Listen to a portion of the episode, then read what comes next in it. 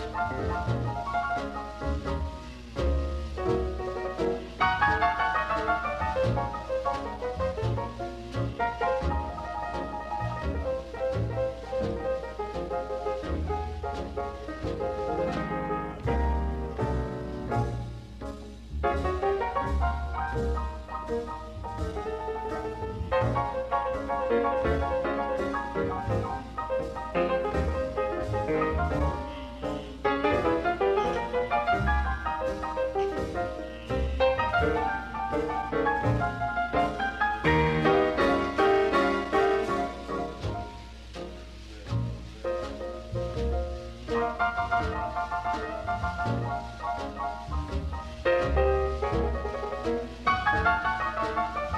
you.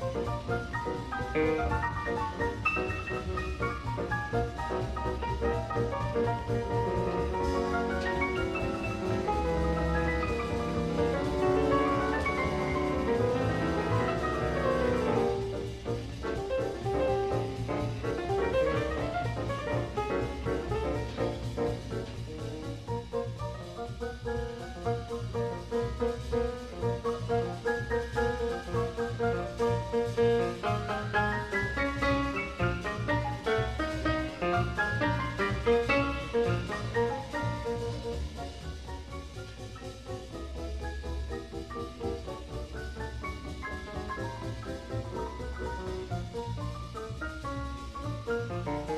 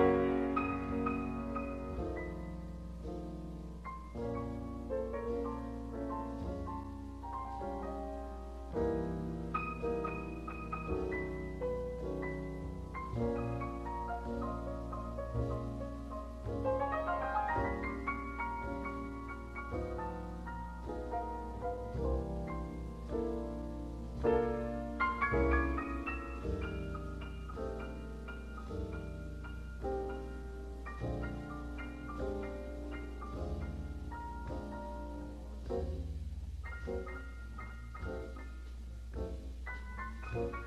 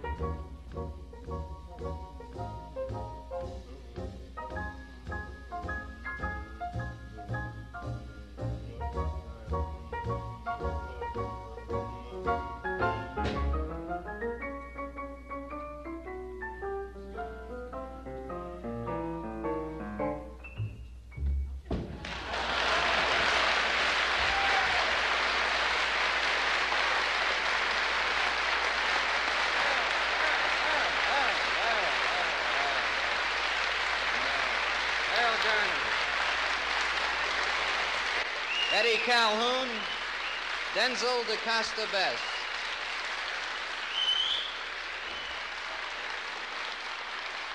Errol. Errol. Errol Garner. Come here, come here, come here, come here, come here, come here, come here. You know something? You haven't heard Errol say one word, and he's got a great voice. I always insisted he should go on the air. Errol, say one word. It's worse than Louis Armstrong.